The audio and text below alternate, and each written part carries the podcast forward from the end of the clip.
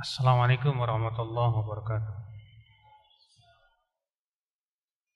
Innal hamdalillah nahmaduhu wa nasta'inuhu wa nastaghfiruh wa na'udzu billahi min shururi anfusina wa min sayyiati a'malina. Man yahdihillahu fala mudilla lahu wa man yudlil fala hadiya lahu. Asyhadu an la ilaha illallah wahdahu la syarika lahu وأشهد أن محمدا عبده ورسوله قال الله تعالى في كتابه الكريم يا أيها الذين آمنوا اتقوا الله حق تقاته ولا تموتن إلا وأنتم مسلمون أما بعد فإن أصدق الحديث كتاب الله وخير الهدي هدي محمد صلى الله عليه وسلم وشر الأمور محدثاتها وكل محدثة بدعة وكل بدعة ضلالة وكل ضلالة في النار Ikhwatal iman azakumullah yakum alhamdulillah kita bersyukur bersyukur kepada Allah atas nikmat Islam dan nikmat sunnah dua nikmat yang sangat besar yang Allah berikan kepada seorang hamba yaitu nikmat Islam dan nikmat sunnah. Imam Ahmad berkata, La adri ala ayyi farhataini farhi farihtu. Saya tidak tahu di atas apa saya sangat bergembira. Am hal ala nikmatil Islam am ala nikmatis sunnah. Apakah di atas nikmat Islam atau di atas nikmat sunnah? Karena dua-duanya nikmat yang sangat besar sekali. Ketika Imam Ahmad mendengar seseorang berkata, Alhamdulillah ala, ala nikmatil Islam. Segala puji bagi Allah atas nikmat Islam. Kata Imam Ahmad, was sunnah. Dan atas nikmat sunnah juga. Karena nikmat sunnah nikmat yang sangat berharga. Berapa banyak mereka yang KTP-nya Islam, Muslim, tapi ternyata tidak diberikan oleh Allah hidayah kepada sunnah. Padahal ikhwata Islam, hakikat Islam itulah sunnah. Dan sunnah itulah Islam. Oleh karena itulah akal Islam azakumullah wa iyyakum. Kita di dalam kehidupan ini penting sekali untuk berpegang kepada sunnah Nabi Shallallahu Alaihi Wasallam. Mengapa demikian? Karena yang pertama, bahwa Islam dan sunnah tidak mungkin dipisahkan. Islam itulah sunnah, sunnah itulah Islam. Al-Imam Al-Barbahari dalam kitab beliau Syarh Sunnah berkata, "I'lamu anna al-Islam huwa sunnah wa sunnatu hiya al-Islam." Wa la yaqumu ahaduhuma illa bil akhar. Ketahuilah Islam adalah sunnah dan sunnah adalah Islam. Dan tidak mungkin salah satunya berdiri tanpa yang lainnya. Mungkinkah Islam berdiri tanpa sunnah? Tidak mungkin. Dan mungkinkah Islam berdiri tanpa sunnah dan tanpa sunnah berdiri tanpa Islam pun juga tidak mungkin. Karena hakikat sunnah itu artinya semua yang diajarkan oleh Rasulullah SAW kepada kita.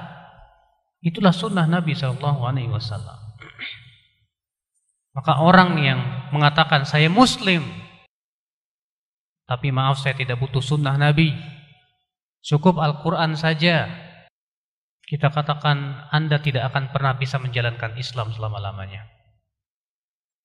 Karena Al-Quran butuh sunnah. Al-Quran tanpa sunnah akan cacat. Sebagaimana Al-Imam Al-Ajuri meriwayatkan dari hadis dari riwayat Jabir. Bahwasanya Jabir membawakan hadis-hadis Nabi Shallallahu alaihi wasallam Kemudian ada seseorang berkata, "Da' min hadza." Naktafi bima fi bima wajadna fil Qur'anil Karim.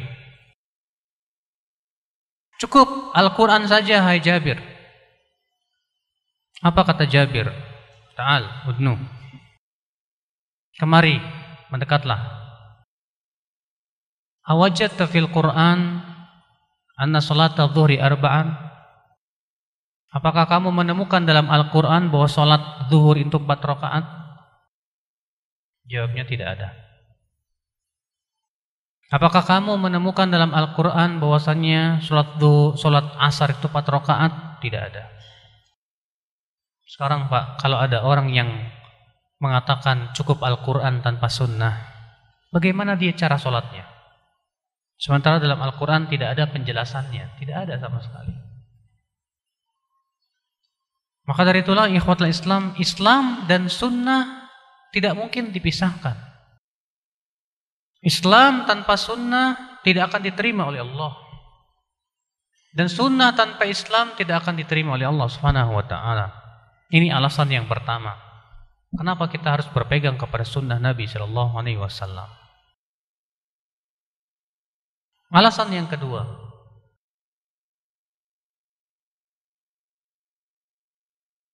karena Allah memerintahkan kita untuk ittiba'ur Rasul. Dalam ayat-ayat yang sangat banyak, Allah mengatakan ati Allah wa ati'ur Rasul. Allah berfirman dalam surat An-Nisa ayat 59, "Ya ayyuhalladzina amanu ati Allah wa ati'ur Rasul." Hai orang-orang yang beriman, taati Allah, taati Rasul. Dalam surat Al-Anfal Allah berfirman, "Ya ayyuhalladzina amanu Allah wa rasulah." Hai orang-orang yang beriman, taati Allah dan Rasulnya. Dalam surat An-Nisa Allah berfirman, "May yuti'ir rasul faqad ata Allah." Siapa yang menaati Rasul, sungguh ia telah menaati Allah Subhanahu wa taala. Dan ayat-ayat yang banyak yang memerintahkan kita untuk mengikuti siapa? Rasulullah sallallahu alaihi wasallam. Bahkan Allah memerintahkan kita untuk menjadikan Rasulullah sebagai suri tauladan. Allah berfirman, "Laqad kana lakum fi Rasulillah uswatun hasanah liman kana yarjullaha wal yawmal akhir wa dzakarallaha katsira. Sungguh telah ada pada diri Rasulullah suri tauladan yang baik. Buat siapa? Buat orang yang mengharapkan Allah dan kehidupan akhirat dan banyak berzikir kepada Allah Subhanahu wa taala. Ikhwatul Islam, a'azakumullah wa iyyakum. Maka dari itulah perintah-perintah Allah dalam Al-Qur'an memerintahkan kita untuk apa? Mengikuti Rasulullah SAW. Bahkan Allah mengancam siapa saja yang tidak mau mengikuti Rasulullah SAW dengan ancaman yang yang berat. Allah berfirman, "Falyahdharil ladzina yukhalifuna an amrih an tusibahum fitnatun aw yusibahum adzabun alim." Hendaklah waspada Orang-orang yang menyelisihi perintah Rasul untuk ditimpa fitnah atau ditimpa azab yang pedih. Di sini Allah hanya memberikan pilihan dua saja. Anda-anda, siapa saja, kita-kita yang berani menyelisihi perintah Rasul, seakan-akan Allah mengatakan silahkan pilih antara dua. Mau ditimpa fitnah atau ditimpa azab yang pedih. Apa yang dimaksud dengan fitnah dalam ayat itu, Pak? Al-Imam Ahmad berkata, "Atadri mal fitnah?"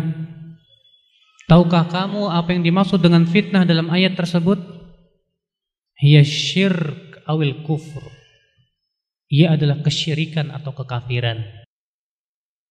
Fala'alla rajul ya'tamid an yukhalifa amra rasul fa'alqallah fi qalbi al-kufur kata Imam Ahmad. Seseorang sengaja menyelisih perintah Rasul, lalu Allah lemparkan ke dalam hatinya kecondongan kepada kekafiran. Akibat dia menyelisih sunnah Rasul Shallallahu Alaihi Wasallam. Di sini Allah hanya memberikan dua pilihan saja. Silahkan pilih. Tidak ada pilihan yang ketiga. Buat anda-anda, buat kita-kita yang sengaja menyelisih perintah Rasul, Pilih silahkan dua. Mau ditimpa fitnah atau ditimpa azab yang pedih. Kalau dua-duanya tidak mau, maka taatilah Rasul sallallahu alaihi wasallam. Ikhwatul Islam azakumullah wa ayyakum.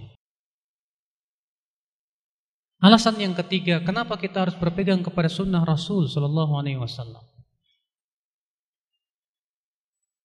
Karena mengikuti Rasul, mengikuti sunnah Rasul adalah jalan menuju surga. Rasul kita yang mulia alaihi salatu wasallam bersabda dalam riwayat Abu Daud,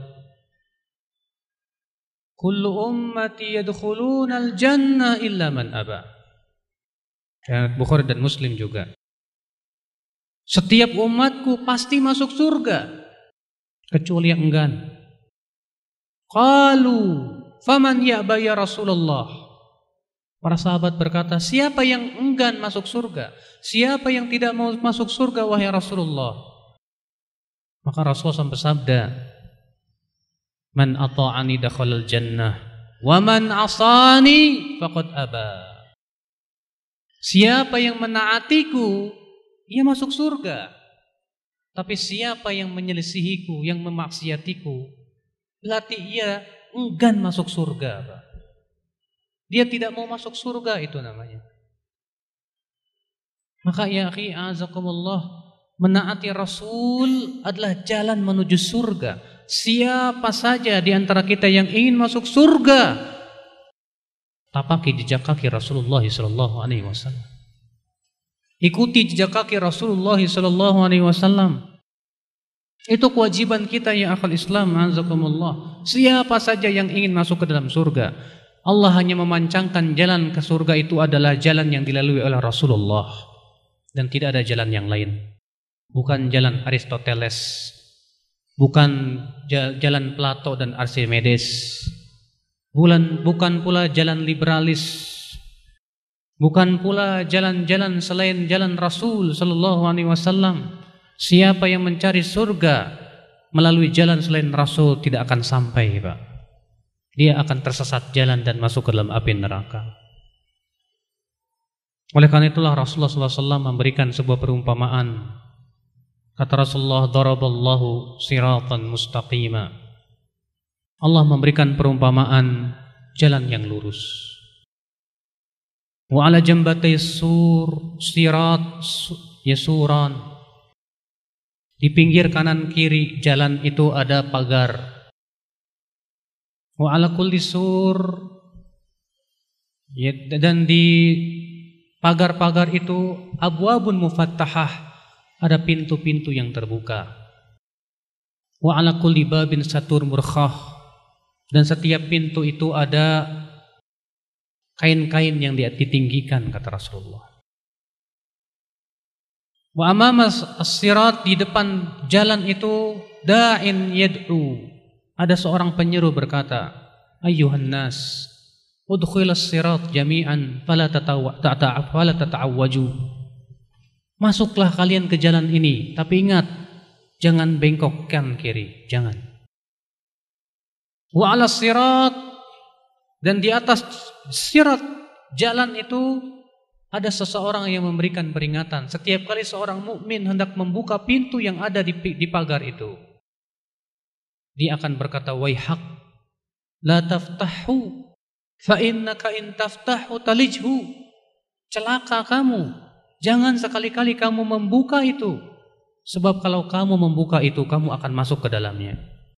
Kemudian Rasulullah menafsirkan, Adapun sirat adalah Islam, Adapun pagar-pagar itu adalah batasan-batasan Allah. Adapun pintu-pintu itu adalah keharaman-keharamannya. Adapun yang berada di depan sirat itu adalah Al-Quran. Dan yang berada di atas sirat itu wa'idullah fi kulli qalbi fi, fi qalbi kulli mu'min. Malaikat yang memperingatkan di hati seorang mukmin ketika ia hendak masuk ke dalam maksiat-maksiat. Ikhwata Islam azakumullah wa. Itulah jalan Rasul sallallahu alaihi wasallam. Allah juga berfirman dalam surat Al-An'am ayat 153, "Wa anna hadza sirati mustaqiman fattabi'u." Inilah jalanku yang lurus, ikutilah. Wala tattabi'us subul. Jangan kamu ikuti jalan-jalan yang lainnya. Fatafarraqa bikum an sabilih. Niscaya kalian akan ber bercerai-berai dari jalan yang lurus ini. Al-Imam Al-Hakim meriwayatkan dalam Mustadraknya dari hadis Ibnu Mas'ud radhiyallahu anhu ardah dengan sanad yang sahih bahwasanya Rasulullah SAW membuat menggaris jalan lurus. Kemudian Rasulullah SAW menggaris lagi jalan di kanan dan kirinya.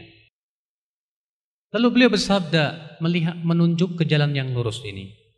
Anna hadza sirati mustaqiman fattabi'u. Inilah jalanku yang lurus, ikutilah. Kemudian Rasulullah menunjuk kepada jalan-jalan yang di, di kanan di kirinya. Wala tattabi'us subul. Jangan kalian ikuti jalan-jalan ini. Fatafarraqa bikum an sabili. Niscaya jalan-jalan ini akan memecah belah kalian dari jalan yang lurus tersebut. Dzalikum wasaqum bihi la'allakum tattaqun. Itulah yang Allah wasiatkan kepada kalian agar kalian bertakwa. Subhanallah, jalan itu ternyata jalannya Rasul sallallahu alaihi wasallam. Karena Allah mengatakan wa anna hadza sirati dan inilah jalanku yaitu Rasulullah sallallahu alaihi wasallam. Lalu Allah mengatakan jangan ikuti jalan-jalan yang lainnya. Kenapa? Apabila kita mengikuti jalan-jalan yang lainnya, itu akan mencerai beraikan kita dari jalan tersebut. Ini memberikan kepada kita makna, Pak. Bahwa hakikat berpecah belah itu adalah ketika kita tidak mau mengikuti jalan yang lurus. Siapa saja yang di atas jalan yang lurus, maka dia di atas sirat. Dan siapa saja yang tidak mengikuti jalan yang lurus, maka ia pasti bercerai-berai. Ikhwatul Islam, azakumullah wa iyyakum. Alasan yang keempat, mengapa kita di, di, diperintahkan, kenapa kita harus berpegang kepada sunnah Nabi Shallallahu Alaihi Wasallam? Karena Allah pencipta manusia. Dan Allah Subhanahu wa taala telah mengutus para nabi dan rasul. Dan rasul yang terakhir adalah Muhammad sallallahu alaihi wasallam. Dan kebenaran itu adalah yang berasal dari wahyu. Yang yang Allah wahyukan kepada rasulnya sallallahu alaihi wasallam. Maka berarti ya akhul Islam Sunnah Rasul Shallallahu Alaihi Wasallam itulah yang Allah ridhoi dan yang Allah Subhanahu Wa Taala perintahkan. Sunnah Rasul Shallallahu Alaihi Wasallam itulah jalan menuju Allah Rabbul Izzati wal Jalalah karena ia berasal dari wahyu Allah pencipta langit dan bumi. Sunnah Rasul bukan berasal daripada ijtihad dan pikiran. Sunnah Rasul tidak berasal dari akal buatan Nabi Muhammad sallallahu alaihi wasallam. Tapi sunnah Rasul adalah wahyu dari Allah Rabbul Alamin yang tidak mungkin salah. Allah Ta'ala berfirman dalam surat An-Najm, "Wa ma yantiqu 'anil hawa in huwa illa wahyu yuha." Tidaklah Muhammad berbicara dari hawa nafsunya, akan tetapi ia adalah wahyu yang diwahyukan dari Rabbnya. Sedangkan wahyu Allah tidak mungkin salah. Dan Allah telah menjamin untuk menjaganya. Allah berfirman, "Inna nahnu nazzalna dzikra wa inna lahu lahafizun." Sesungguhnya kamilah yang telah menurunkan adzikr dan kami pula yang akan menjaganya. Sebagian ulama berpendapat adzikr di sini masuk padanya sunnah Nabi sallallahu alaihi wasallam. Allah juga berfirman wa anzalna ilaika dzikra litubayyana lin-nasi ma nuzila ilaihim. Dan kami turunkan kepada engkau wahai Muhammad adzikr yaitu Al-Qur'an agar engkau menjelaskan kepada mereka apa yang diturunkan tersebut. Maka Nabi SAW diperintahkan oleh Allah menjelaskan Al-Quran. Dan penjelasan Nabi itu adalah disebut dengan apa? Sunnah Rasulullah sallallahu alaihi wasallam. dan beliau menjelaskan berdasarkan wahyu dari Allah Subhanahu wa taala. Imam At-Tabrani meriwayatkan dalam Mu'jamnya dengan sanad yang sahih di hadis Abdullah bin Amr bin Al-As. Kata Abdullah bin Amr, "Kuntu aktub kullama qalahu Rasulullah sallallahu alaihi wasallam." Fazajarani ba'du ashabi Rasulullah sallallahu alaihi wasallam wa qala, "Kaifa taktub kullama qalahu Rasul wa huwa bashar yatakallam fil ghadab war ridha?" Kata Abdullah bin Amr, Dahulu aku mencatat semua yang di, di, diucapkan oleh Rasul. Semua yang Rasulullah ucapkan, aku catat. Semua yang Rasulullah ucapkan, aku catat. Namun sebagian sahabat menegurku dan berkata, Bagaimana kamu hendak mencatat semua yang diucapkan oleh Rasul? Sementara Rasulullah manusia biasa, beliau berbicara di saat marah dan di saat tidak marah. Fa'amsaktu anil kitab kata Abdullah bin Amr bin As. Aku pun berhenti dari menulis. Kemudian setelah itu aku bertanya kepada Rasulullah SAW tentang hal itu. Maka Rasulullah SAW bersabda apa? Uktub Fawalladhi nafsi biyadi Ma kharaja minhu illal haq Tulis saja Demi zat yang diriku berada di tangannya Tidak ada yang keluar dari mulutku ini kecuali kebenaran semua yang Rasulullah ucapkan kebenaran. Semua yang disampaikan oleh Rasulullah kebenaran. Tidak mungkin kebatilan. Tidak mungkin ya akal Islam Rasulullah Wasallam merubah-rubah wahyu Allah karena beliau al-amin yang sangat dipercaya ya akal Islam. Maka sunnah Nabi itulah kebenaran mutlak. Sunnah Nabi Shallallahu Alaihi Wasallam sederajat dengan Al-Quran. Maka beliau bersabda, "Ala wa inni utitul Qur'an wa mithlahu ma'ah." Ketahuilah aku diberikan oleh Allah Al-Qur'an dan yang sama bersamanya. Apa itu yang sama? Yaitu sunnah Nabi sallallahu alaihi wasallam. Hadis-hadis Rasulullah sallallahu alaihi wasallam. Maka ya akal Islam, sunnah itu wahyu. Karena itu wahyu tidak mungkin salah. Sedangkan pendapat-pendapat manusia bukan wahyu.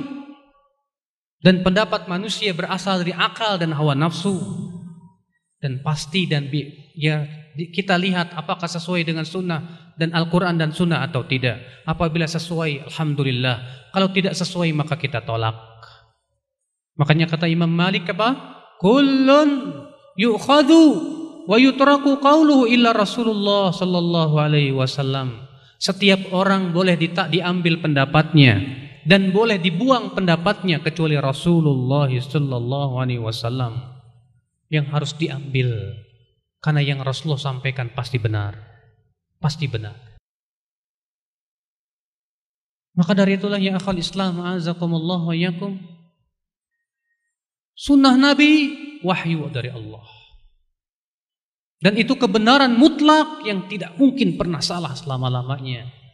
Selama langit dan bumi masih ada. Alasan yang kelima. Kenapa kita mengikuti sunnah Rasul Sallallahu Alaihi Wasallam? Karena mengikuti Rasul jaminan dan mendapatkan jaminan dari Allah bahwa ia tidak akan pernah kafir selama-lamanya. Ia tidak akan pernah sesat selama-lamanya. Allah Ta'ala berfirman dalam surat Ali Imran ayat 101. Allah berfirman di ayat 100 Allah berfirman begini. Ya ayyuhalladzina amanu in tuti'u fariqam minal ladzina utul kitaba yaruddukum ba'da imanikum kafirin. Wahai orang-orang yang beriman, jika kalian menaati sebagian ahli kitab, mereka akan mengembalikan kalian setelah keimanan menuju kekafiran. Allah berfirman di ayat 101-nya, "Wa takfurun?" Bagaimana kalian akan menjadi kafir? Wa antum tujla alaikum ayatullah wa fiikum rasuluh Sementara kalian terus-menerus dibacakan ayat-ayat Allah dan pada kalian ada rasulnya. Setelah Rasulullah meninggal ada sunnahnya. Wa may ya'tasim billah faqad hudiya ila siratim mustaqim.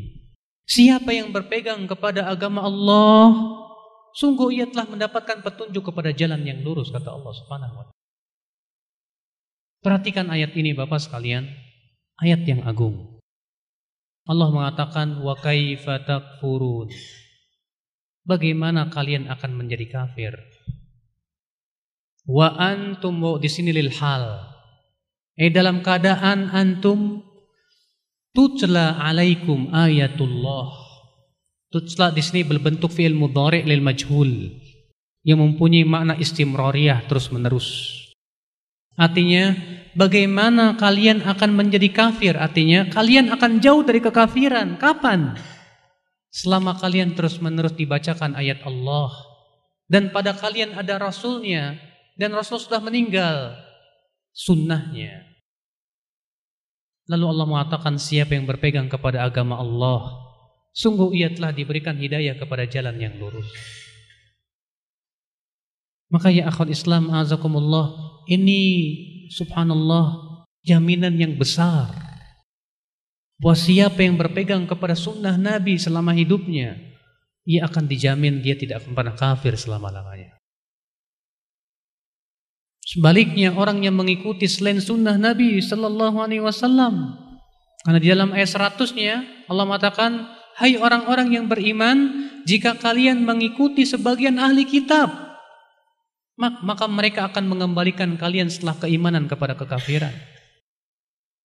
Banyak kaum muslimin lebih ridho dengan petunjuk ahli kitab. Banyak kaum muslimin lebih merasa bangga dengan ya yang berasal dari ahli kitab. Sementara kita diperintahkan oleh Allah untuk berbangga dengan apa yang ada dalam Al-Quran dan hadis Nabi SAW. Untuk mencukupkan diri dengan apa yang ada dalam Al-Quran dan hadis Nabi SAW. Suatu ketika pernah Rasulullah SAW melihat Umar bin Khattab radhiyallahu an sedang membawa Taurat. Sedang membawa apa? Taurat. Lalu Rasulullah bersabda kepada Umar, "Ya Ibn Khattab, amutahawwikuna ant?" Wahai anaknya Ibnu Ibnu Khattab, wahai anaknya Khattab, kamu ini sudah ngaco apa? Iya. Rasulullah SAW menegur Umar karena Umar membawa-bawa Taurat. Kata Rasulullah, "Fawalladhi nafsi fawalladhi nafsi biyadih law kana Musa hayyan ma wasi'ahu illa tibai." Kalaulah Musa masih hidup, dia harus menjadi pengikutku kata Rasulullah SAW. Masya Allah akal Islam azakumullah wa ya. Orang yang mengikuti sunnah Nabi dijamin tidak akan sesat Pak. Karena Rasulullah sendiri yang menjamin dalam riwayat Imam Ahmad bin Hanbal. Bahwa Rasulullah SAW bersabda, Taraktu fikum al-amrain, ma in tamassaktum bihima lan tadillu. Aku tinggalkan untuk kalian dua perkara. Selama kalian berpegang kepada dua perkara ini, kalian tidak akan pernah tersesat. Apa itu? Kitabullah wa sunnati. Dalam riwayat Imam Al-Hakim demikian. Kitabullah dan sunnahku. Ikhwata Islam azakumullah wa iyyakum. Oleh karena itulah ya akhi, orang-orang yang berpegang kepada Al-Quran dan Sunnah Nabi SAW insya Allah tidak akan tersesat jalan. Selama pemahamannya benar tentunya ya. Alasan yang keenam. Kenapa kita mengikuti sunnah Nabi SAW? Karena berpegang kepada sunnah Nabi melindungi kita dari perselisihan yang dilarang oleh Allah dan Rasulnya. Di mana Allah Ta'ala Rasulullah SAW mengabarkan akan munculnya perselisihan dan perpecahan di akhir zaman. Dalam riwayat Al-Imam Abu Daud, demikian pula riwayat At-Tirmidzi dan Tirmidzi berkata hadis hasan sahih. Dari hadis Al-Irbad bin Sariyah Bahwa Rasulullah wasallam bersabda, أوصيكم بتقوى الله والسمع والطاعة وإن تأمر عليكم عبد حبشي فإنه من يعش منكم فسيرى اختلافا كثيرا فعليكم بسنتي وسنة الخلفاء الراشدين المهديين عضوا عليها بالنواجذ. Kata Rasulullah, aku wasiatkan kalian untuk bertakwa kepada Allah. Mendengar dan taat kepada pemimpin kalian. Walaupun pemimpin kalian seorang bangsa Ethiopia yang hitam legam. Sesungguhnya orang yang hidup nanti akan melihat perpecahan yang banyak kata Rasulullah.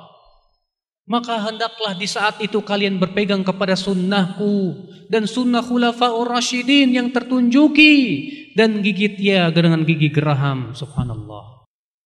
Ketika Rasulullah SAW mengabarkan bahwa umat Islam akan berpecah belah, ternyata Rasulullah memberikan solusinya. Solusinya adalah fa'alaikum bisunnati wa sunnatil khulafai rasyidin al mahdiyin. Hendaklah di saat itu kalian berpegang kepada sunnahku dan sunnah khulafaur rasyidin Abu Bakar, Umar, Uthman, Ali radhiyallahu anhum ajma'in. Dalam riwayat yang lain kata Rasulullah ma ana alaihi wa ashabi yang aku dan para sahabatku di atasnya. Masya Allah ikhwata Islam. Ternyata di saat kaum muslimin berpecah belah Rasulullah solusinya hanya satu.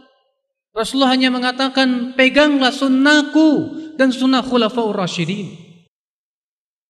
Nanti itu satu-satunya solusi untuk kita hadapi dan kita pegang erat-erat di saat kaum muslimin berpecah belah. Ikhwata Islam azakumullah wa iyyakum. Alasan selanjutnya ya akhi. Kenapa kita berpegang kepada sunnah Rasulullah salawatullahi alaihi wasallam. Karena sunnah Rasul adalah sebaik-baiknya petunjuk. Yang penuh dengan kemaslahatan. Yang penuh dengan kebahagiaan. Semua yang Rasulullah tuntutkan, tuntunkan kepada kita maslahat untuk kehidupan manusia. Oleh karena itulah Rasulullah SAW setiap, ya, setiap kali berkhutbah, di khutbah Jumat terutama mengatakan, fa inna asdaqal hadithi kitabullah wa khairal hadi hadi Muhammadin sallallahu alaihi wasallam sesungguhnya sebenar-benaran sebenar-benar ucapan kitabullah dan sebaik-baiknya petunjuk petunjuk Rasulullah sallallahu alaihi wasallam sebaik-baiknya petunjuk maka bayangkan Pak petunjuk dalam apa dalam akidah dalam apa lagi? Dalam ibadah. Dalam apa lagi? Dalam muamalah. Dalam apa lagi? Dalam kehidupan. Dalam kehidupan. Adakah petunjuk yang lebih baik daripada petunjuk Rasul? Tidak ada. Bahkan para ahli pun, para ahli kesehatan, para ahli teknologi di zaman ini telah mengakui memang petunjuk Rasulullah yang paling baik. Dalam tata cara tidur, Bagaimana Rasulullah mengajarkan tidur di atas rusuk yang kanan. Ternyata para dokter barat semua mengatakan memang itu tidur yang paling baik. Rasulullah menganjurkan untuk tidur siang. Kata Rasulullah, "Qilu fa inna syaitan la yaqil." Tidur sianglah karena setan tidak tidur siang. Ternyata diadakan penelitian di London sana. Ternyata tidur siang mempunyai khasiat yang sangat banyak. Rasulullah memerintahkan kita untuk bersiwak. Penelitian demi penelitian tentang siwak ternyata luar biasa. Iya, manfaatnya untuk gigi, masya Allah. Rasulullah SAW mengatakan bahwa sebaik-baiknya obat itu habah sauda. Penelitian demi penelitian ternyata benar semuanya. Rasulullah SAW menganjurkan kita makan dengan tangan kanan. Ternyata diteliti oleh para ahli di tangan kita banyak sekali hal-hal yang bermanfaat untuk usus kita dan yang lainnya. Akhi, Allah perlihatkan di zaman sekarang dengan kecanggihan teknologi bagaimana kebenaran sunnah Rasul Sallallahu Alaihi Wasallam. Karena Allah juga berfirman sanurihim ayatina fil afaqi wa fi anfusihim hatta yatabayyana lahum annahu al-haq Kami akan perlihatkan kepada mereka ayat-ayat kami di ufuk timur dan barat bahkan pada diri mereka sendiri sampai menjadi jelas bahwa dia memang hak. Naam ya akhal Islam. Semua perintah Rasul maslahat dan semua larangan Rasulullah mudarat. Semua yang dilarang oleh Rasulullah berbahaya untuk kehidupan manusia, Pak. Rasulullah melarang kita riba dan memang riba menghancurkan perekonomian bangsa. Lihat buktinya Amerika yang hancur perekonomian oleh riba. Lihat Eropa sekarang yang sudah mulai hancur dengan perekonomian oleh riba.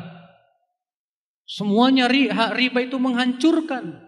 Allah berfirman yamhaqullahu riba wa yurbis sadaqat. Allah menghancurkan riba dan Allah mengembangbiakan sedekah. Rasulullah melarang kita zina. Rasulullah melarang kita judi. Rasulullah melarang dari berbagai macam larangan. Semuanya ternyata bahaya untuk kehidupan manusia, Pak. Dan Rasulullah memerintahkan kita bersilaturahim. Rasulullah memerintah, memerintahkan kita bersikap jujur. Rasulullah SAW memerintahkan kita bersodakoh.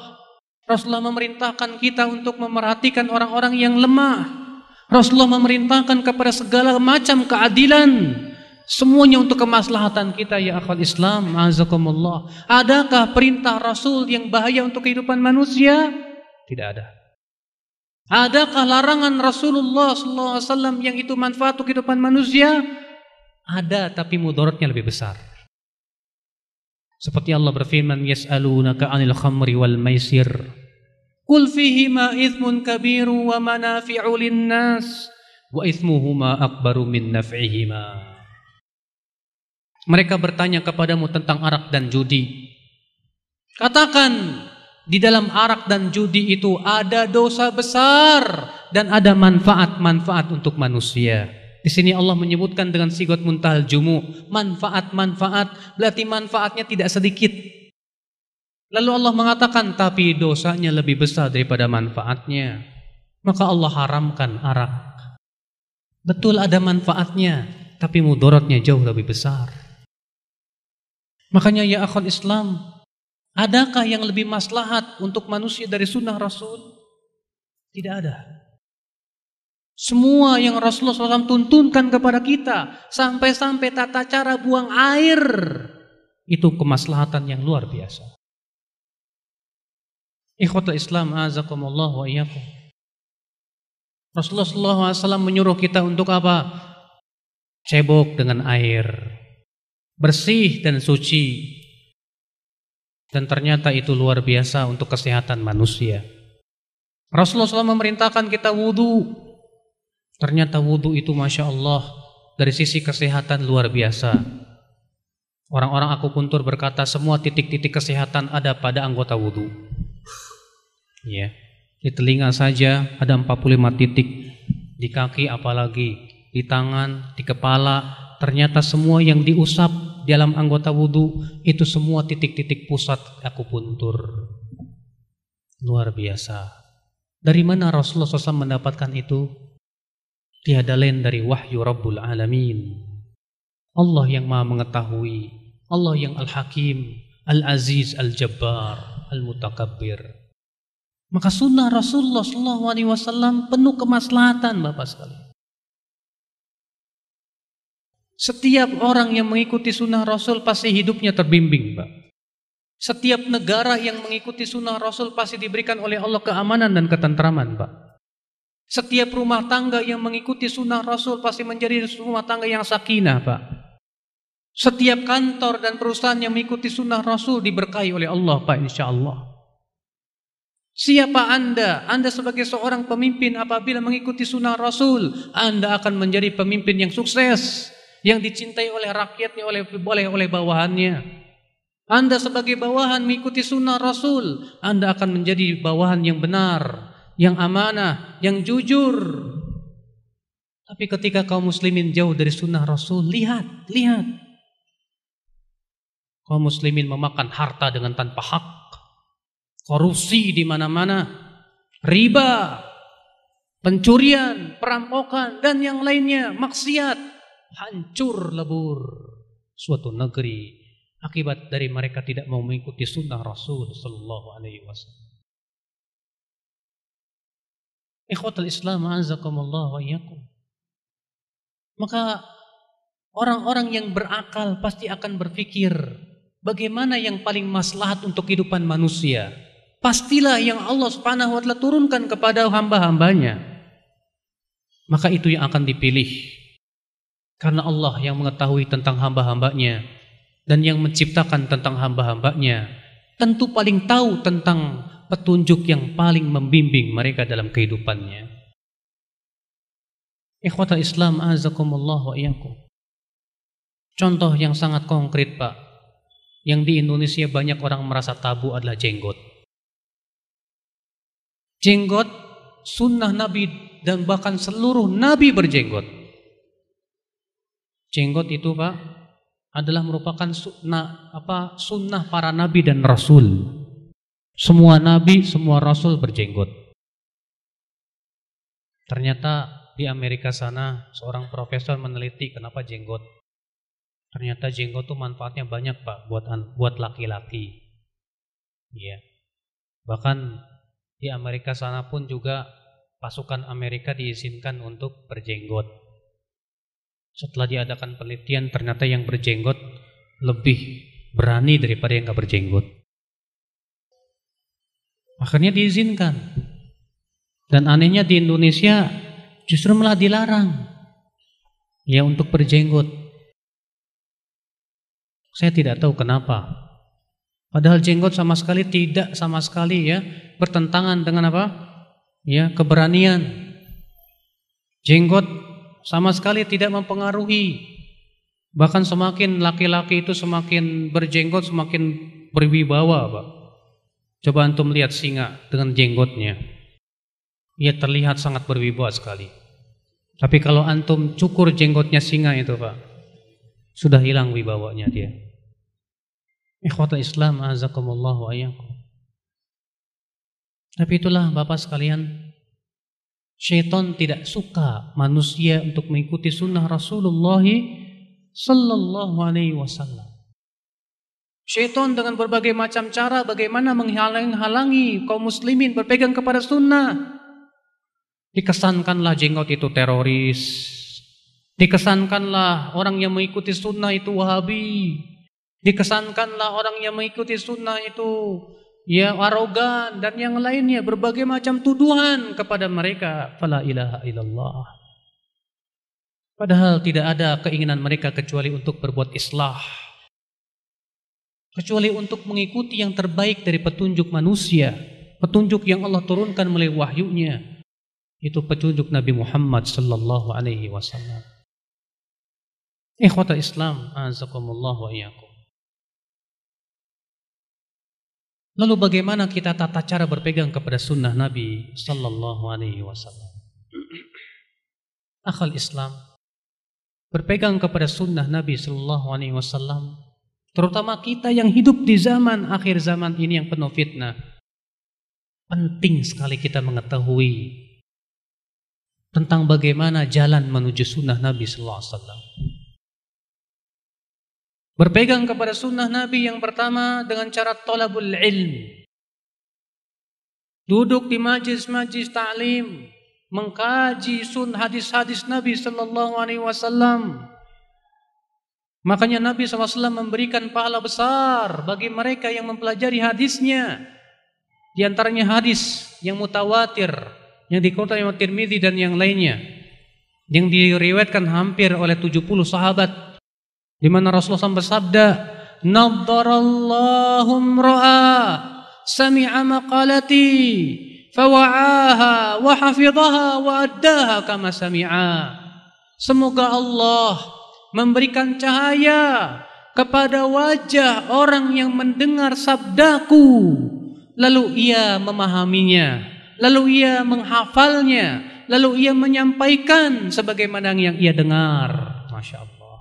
Di sini Rasulullah mendoakan, mendoakan siapa? Orang yang mempelajari hadis-hadis Nabi Shallallahu Alaihi Wasallam. Apa doanya? Semoga Allah memberikan cahaya ke wajah orang tersebut. Orang yang mendengarkan sabda Nabi Shallallahu Alaihi Wasallam. Doa yang agung ya akhul Islam, azakumullah wa Makanya Rasulullah SAW menganjurkan para sahabat menyebarkan hadis Nabi Shallallahu Alaihi Wasallam. Kata Rasulullah tasma'un wa yusma'u minkum wa yusma'u mimman yasma'u minkum. Kalian akan mendengar dariku dan kalian akan didengar oleh generasi setelahnya. Lalu generasi setelahnya akan mendengar dari orang yang mendengar dari kalian. Demikian selanjutnya ya akhal Islam azakumullah. Maka jalan kita apa? Pelajari hadis. Buka kitab Sahih Bukhari, Sahih Muslim, Sunan Abu Daud, Tirmidzi, Nasai, Ibnu Majah. Berapa banyak kitab-kitab hadis yang tersimpan di dalam perpustakaan-perpustakaan. Banyak kaum muslimin belum menyentuhnya, Pak. Belum menyentuhnya. Bayangkan banyak kaum muslimin lebih tahu pemain sepak bola daripada kitab-kitab tersebut. Kalau ditanya siapa Imam Bukhari, tidak tahu. Siapa Imam Abu Daud, tidak tahu. Tapi kalau ditanya siapa Ruth Gullit, oh tahu. Kalau ditanya siapa Ronaldo, tahu. Sayang, seribu sayang. Pelajari hadis Nabi SAW. Karena dengan mempelajari hadis-hadis Nabi itulah kita akan mengetahui apa? Sunnah Rasulullah sallallahu alaihi wasallam. Tapi ingat, kata para ulama belajar hadis harus talaki, harus kepada guru yang mumpuni, Pak. Kenapa demikian? Pertama, karena tidak semua hadis sahih sampai kepada kita. Ternyata ada yang sahih, ada yang hasan, ada yang lemah, bahkan ada yang palsu, Pak. Bahkan Rasulullah SAW sudah bersabda apa? Man kadzaba alayya muta'ammidan. Man kadzaba alayya muta'ammidan falyatabawa maq'adahu minan nar kata Rasulullah. Siapa yang berdusta atas namaku dengan sengaja maka hendaklah ia mempersiapkan tempat duduknya dalam api neraka. Dan Rasulullah sudah mengabarkan pula akan adanya orang-orang yang akan berdusta atas nama Rasulullah sebagaimana Imam Muslim meriwayatkan dalam dalam dalam muqaddimah sahihnya. Maka dari itulah ya akhi azakumullah tidak semua hadis sahih. Bahkan terkadang di Indonesia hadis palsu yang tersebar, yang tersebar. Kenapa? Karena dahulu di zaman Belanda yang dimasukkan kitab-kitab yang memang merupakan gudangnya hadis-hadis doif dan palsu. Ikhwatlah Islam, azakumullah. Apa bahayanya kita meriwayatkan hadis yang palsu ya akhi? Bahaya sekali. Yang pertama kita berdusta atas nama Rasulullah SAW. Dan ini dosa besar. Yang kedua, kita mengada-ngada dalam agama sesuatu yang tidak pernah dicontohkan oleh Rasulullah SAW. Berarti kita memasukkan ke dalam Islam sesuatu yang bukan dari Islam. Karena hadis yang palsu. Yang ketiga, hadis-hadis palsu itu merusak kesempurnaan Islam. Sehingga akhirnya kesempurnaan Islam pun tercoreng dan terluka karena hadis-hadis yang palsu. Makanya orang-orang orientalis begitu rajin, Pak, menyebarkan hadis yang palsu di tengah kaum muslimin supaya agama Islam ini rusak dan hancur. Naam akhal Islam azakumullah. Di zaman ini kita lihat hadis palsu berseliweran. Hadis tentang batu akik. Hadis-hadis yang diriwayatkan tentang keutamaan batu akik semuanya palsu kata para ulama. Di Indonesia batu akik itu lagi ngetren ya Pak. Iya. Hadis tentang batu akik palsu. Semua hadis Nabi Shallallahu Alaihi Wasallam yang menyebutkan tentang siapa yang namanya Muhammad tidak akan masuk neraka. Palsu. Ada juga hadis yang mengatakan melihat ke wajah yang cantik itu ibadah. Ada pak hadisnya? Palsu. Ya. Adalah juga hadis yang mengatakan Idza asanta bil hajar nafa'ak. Kalau kamu berbaik sangka ke batu, bermanfaat buat kamu itu batu. Palsu. Banyak lagi tentang ibadah-ibadah yang banyak kaum muslimin lakukan. Banyak yang palsu. Salat rogoib. Semua ulama ahlu sunnah mengatakan palsu. Demikian pula salat nisfu sya'ban, kata Imam Nawawi juga palsu. Demikian pula banyak sekali Pak. Kalau kita lihat. Dan itu ternyata laris di tengah-tengah kaum muslimin. Maka dari itu ya akhi, belajar hadis harus kepada seorang yang ahli di bidangnya. Supaya antum selamat. Apakah ini sahih, apa dhaif, atau apa? Bahkan palsu, Pak. Hati-hati. Jangan sampai kita beribadah berdasarkan hadis yang lemah. Jangan sampai kita berakidah berdasarkan hadis yang tidak sahih. Jangan sampai. Yang kedua, kenapa kita harus talaki kepada seorang yang ahlinya? Karena suatu hadis walaupun sahih, belum tentu pemahamannya sahih. Karena untuk memahami suatu hadis yang harus dilakukan apa? Yang pertama harus mengumpulkan semua matan-matan dan jalan-jalannya. Supaya menjadi jelas apa maksud hadis tersebut. Makanya Syu'bah bin Al-Hajjaj berkata apa? Al-bab idza lam yujma' turuquhu lam yatabayyan muraduhu. Hadis apabila tidak dikumpulkan jalan-jalannya semua belum jelas ini bagaimana status hadis ini. Belum jelas bagaimana pemahaman hadis tersebut. Terkadang hadis kelihatannya sahih, ternyata setelah diperiksa, periksa, periksa, periksa, periksa hadis itu sudah mansuh hukumnya, sudah dihapus. Atau ternyata ada hadis lain yang lebih sahih.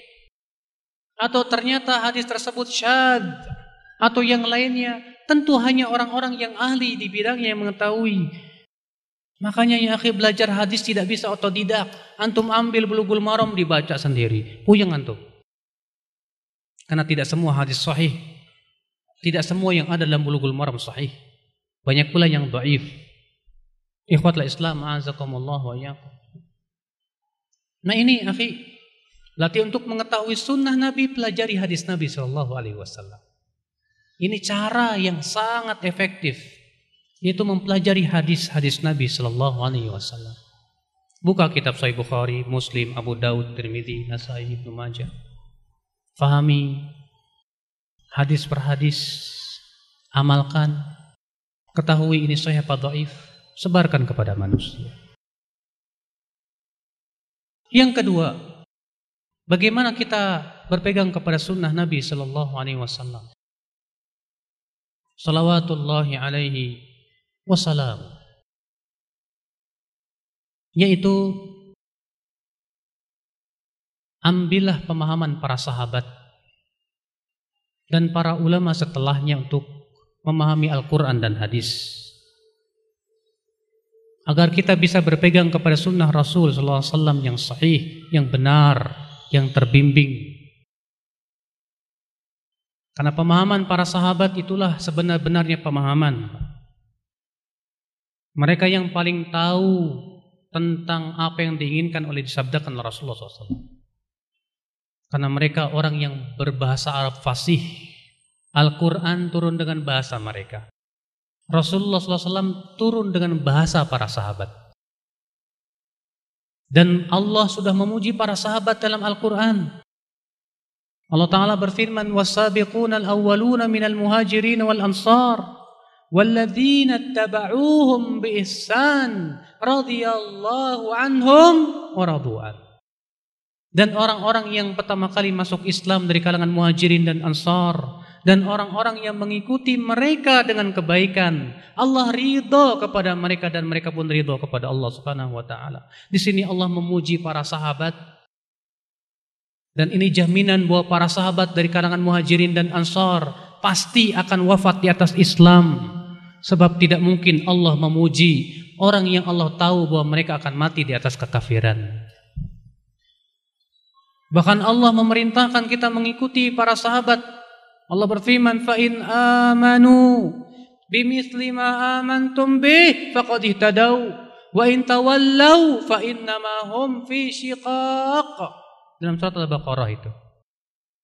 Fa in amanu jika mereka beriman dengan seperti apa yang kalian imani. Kalian di sini waktu turunnya ayat ini siapa? Para sahabat. Jika mereka beriman dengan seperti apa yang kalian imani wahai para sahabat, maka mereka akan mendapatkan hidayah. Tapi, tapi jika mereka berpaling, maka mereka pasti bercerai-berai. Masya Allah. Allah sendiri yang menyatakan bahwa mereka apabila mengikuti seperti apa yang kalian imani pasti mendapatkan hidayah. Dan Rasul kita yang mulia alaihi salatu wasallam pun demikian menganjurkan. Dalam riwayat Imam At-Tahawi dalam musyarah dalam syarah Mushkil al-Athar dengan sanad yang sahih bahwa Rasulullah sallallahu alaihi wasallam bersabda apa? Innaha satakunu fitan. Sesungguhnya nanti akan muncul fitnah-fitnah. Kemudian para sahabat berkata, Kaifa nasna'u ya Rasulullah? Apa yang harus kami lakukan wahai Rasulullah di saat itu? Apa kata Rasulullah? Tarji'una ila amrikumul awwal. Kembalilah kalian kepada urusan kalian yang pertama kali. Itu para sahabat Rasulullah sallallahu alaihi wasallam. Tegas dalam hadis ini. Di saat nanti fitnah-fitnah akan bergejolak Rasulullah mengatakan kembalilah kepada urusan yang pertama. Nasun sorih. Untuk kita kembali kepada generasi yang pertama. Itu generasi para sahabat Rasulullah Salawatullahi alaihi wasallam. Bahkan para sahabat pun sepakat untuk semua tabiin kembali kepada para sahabat. Berkata Ibnu Mas'ud, Man kana minkum mustannan falyastanni biman qad mat. Ulaika ashabu Rasulillah sallallahu alaihi wasallam. Fa innahum abarrun nasi quluban wa a'maquhum ilman wa aqalluhum takallufa wa aqwamuhum hadiya qauman ikhtarahumullah li suhbati nabiyyih Siapa di antara kalian yang ingin mengambil suri tauladan, jadikan para sahabat sebagai suri tauladan karena mereka orang yang paling dalam ilmunya, yang paling lurus jalannya, yang paling ringan bebannya. Subhanallah. Ibnu Mas'ud radhiyallahu anhu arda. Berkata Hudzaifah, "Kullu ibadatin lam yata'abbadha ashabu Rasulillah fala tata'abbaduha." Setiap ibadah yang tidak pernah dilakukan oleh para sahabat jangan kalian lakukan. Imam Syafi'i rahimahullah orang yang paling membela madhab para sahabat. Sebagaimana dalam riwayat Ar-Rabi bin Sulaiman dan disebutkan oleh Imam Ibn Qayyim rahimahullah dalam kitab I'lamul Muwaqqi'in di mana Imam Syafi'i memuji para sahabat beliau berkata laqad athnallah fi kitabihi wa ala lisani rasulihi ala ashabihi. Sungguh Allah telah memuji dan rasulnya memuji para sahabat Rasulullah sallallahu alaihi wasallam. Lalu beliau mengatakan apa? Wahum fauqana fi kulli ilmin wa aqlin wa ijtihadin wa istinbatin wa istidrakin mereka para sahabat kata Imam Syafi'i di atas kita kita di sini maksudnya Imam Syafi'i bukan antum ya di atas kita kata Imam Syafi'i pada setiap ilmu, akal, ijtihad, istimbat, istidrak, mereka semua di atas kita kata Imam Syafi'i. Lalu beliau berkata lagi, wa ara'uhum lana Ahmad wa aula lana indana min ara'ina li anfusina. Pendapat para sahabat lebih terpuji dan lebih layak untuk kita ikuti daripada pendapat kita sendiri. Masya Allah Imam Syafi'i rahimahullah. Semoga Allah mengangkat derajat beliau, merahmati beliau. Betapa beliau orang yang sangat berpegang kepada sunnah Nabi dan beliau yang paling membela madhab para sahabat Rasulullah salawatullahi alaihi wasallam. Indah sekali ucapan Imam Syafi'i ini, akhi. Tentang para sahabat Rasulullah sallallahu alaihi wasallam. Imam Ahmad bin Hambal berkata apa? min usuli sunnati indana at-tamassuk bima kana alai ashabu Rasulillah sallallahu alaihi wasallam. Di antara pokok sunnah di sisi kami yaitu berpegang kepada apa yang dipegang oleh para sahabat Rasulullah sallallahu alaihi wasallam. Imam Malik pun demikian. Imam Abu Hanifah semuanya memerintahkan murid-muridnya mengikuti para sahabat Rasulullah sallallahu alaihi wasallam. Karena agama tidaklah dinukil kecuali dari jalan sahabat. Yang menukil Al-Quran dan hadis kepada kita siapa? Para sahabat. Yang langsung melihat praktek Rasulullah terhadap Al-Quran siapa? Para sahabat. Yang langsung melihat bagaimana Al-Quran turun siapa? Para sahabat. Pasti mereka orang yang lebih tahu pak. Lebih alim, lebih faqih, lebih daripada umat-umat ya setelahnya. Makanya Rasul bersabda khairun nasi qarni, thumma ladina yalunahum, thumma ladina yalunahum. Sebaik-baiknya manusia itu generasiku. Kemudian setelahnya, kemudian setelahnya. Berarti tidak ada jalan kita untuk berpegang kepada sunnah Rasul kecuali melalui jalan para sahabat Rasulullah salawatullahi alaihi. Kemudian kita mengikuti para ulama setelahnya. Imam Syafi'i, Imam Ahmad, Imam Malik, Imam Abu Hanifah, Imam Waqi Ibn Jarrah, Imam Sufyan Al-Thawri, Imam ya Al-Laith bin Sa'ad, Imam Abu Ishaq bin Rahuyah, Imam Bukhari, Imam Muslim, Imam Tirmidzi dan seabrek-abrek ulama yang lainnya, Pak. Yang mereka diberikan oleh Allah kekuatan ilmu yang luar biasa. Ini dia Imam Ahmad bin Hambal yang mengatakan, tu alf alf hadis. Aku hafal seribu kali seribu hadis. Berapa pak seribu kali seribu?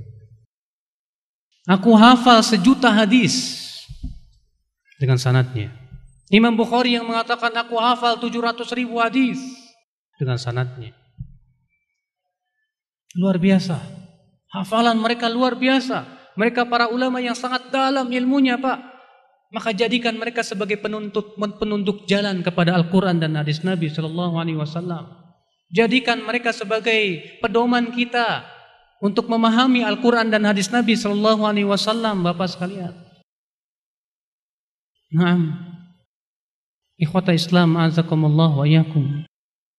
Tidak mungkin kita berpegang kepada sunnah Nabi kecuali melalui jalan mereka, bapak sekalian. Maka siapa yang ingin berpegang kepada sunnah Nabi, Pahamilah sunnah Nabi SAW sesuai dengan pemahaman mereka. Pemahaman para sahabat, para tabi'in, para tabi'un tabi'in dan para ulama yang mengikuti metode mereka dari zaman ke zaman. Sehingga kita pun terbimbing dalam kehidupan kita ya akhal Islam. Azakumullah wa iyyakum. Kemudian ya akhal Islam azakumullah Pembahasan kita yang terakhir adalah bagaimana tegar di atas sunnah Nabi Sallallahu Alaihi Wasallam. Memang di akhir zaman fitnah semakin merajalela. Ujian demi ujian terus menghadang dan menghadapi orang-orang yang ingin berpegang kepada sunnah Nabi SAW. Maka ya akhi, untuk berpegang kepada sunnah Nabi SAW di zaman ini butuh kepada perjuangan. Butuh peta kekuatan. Butuh kepada keimanan. Lalu bagaimana supaya kita terus berpegang dan kuat? Karena Rasulullah SAW telah mengabarkan apa saja yang terjadi di akhir zaman. Coba dengarkan sebuah hadis yang dikutip Muslim, Imam Nasai, dan hadisnya sahih. Kata Rasulullah SAW kepada para sahabatnya dalam sebuah perjalanan di sebuah safar Rasulullah bersinggah di suatu tempat. Kemudian dipanggillah sholat, maka para sahabat berkumpul sholat berjamaah. Setelah selesai sholat, Rasulullah pun berkhutbah. Beliau bersabda, Inna hadhil ummah ju'ilat afiyatuha fi awwaliha wa satubtala akhiruha thumma taji'ul fitan fayuraqqiqu ba'daha ba'dha taji'ul fitnah fayaqulul mu'min hadhihi muhlikati thumma tankashif thumma taji'ul fitnah fayaqulul mu'min hadhihi wa hadhihi Faman arada an yuzahzaha 'anil nar wa yudkhalal jannah falta'tihi maniyatuhu wa huwa yu'minu billahi wal yawmil akhir wal ya'ti ilan nasi bima. Kata Rasulullah, umat Islam ini dijadikan kebaikannya itu di generasi pertamanya. Dan kelak generasi akhirnya kata Rasulullah akan diberikan oleh Allah bala dan perkara-perkara yang kalian ingkari. Kemudian nanti akan muncul fitnah yang menjadikan fitnah setelahnya terasa berat dibandingkan dengan fitnah sebelumnya. Akan datang fitnah kata Rasulullah. Lalu seorang mumin berkata, ini yang akan membinasakan diriku. Kemudian fitnah itu pun pergi. Kemudian si mumin, kemudian datang lagi fitnah yang lain kata Rasulullah. Si mumin berkata lagi, ini yang akan membinasakanku. Lalu Rasulullah SAW bersabda, siapa yang ingin dimasukkan ke dalam surga dan diselamatkan dari api neraka, hendaklah kematian mendatanginya dalam keadaan beriman kepada Allah dan hari akhirat. Dan hendaklah ia mendatangi manusia sebagaimana ia suka untuk didatangi dengannya. Subhanallah. Rasulullah SAW mengabarkan dalam hadis ini, akhi, bahwa umat Islam di akhir zaman akan diberi, diberikan apa?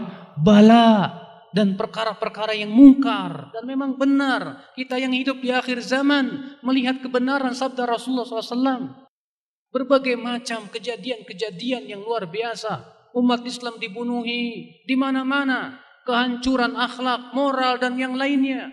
Umat Islam betul-betul menjadi apa bidikan-bidikan orang-orang kufar ya akhwat Islam azakumullah. Belum lagi kemungkaran-kemungkaran yang dilakukan oleh umat Islam itu sendiri. Kehancuran dan, dan, dan apa namanya? kerusakan kita lihat. Subhanallah. Dan ternyata Rasulullah SAW memberikan kepada kita apa? Petuah-petuahnya. Kata Rasulullah, nanti akan datang fitnah Seorang mukmin akan berkata, ini yang akan membinasakanku. Karena mukmin tahu fitnah ini akan menghancurkan agamanya. Ia pun lari. Datang lagi fitnah yang lainnya. Si mukmin berkata, ini yang akan membinasakanku. Ia pun lari. Lalu Rasulullah bersabda, siapa yang ingin diselamatkan dari api neraka dan dimasukkan ke dalam surga, hendaklah kematian mendatangi dia dalam keadaan beriman kepada Allah dan kehidupan akhirat. Subhanallah. Istiqomah sampai akhir hayat itu berat, Pak. Tak mudah.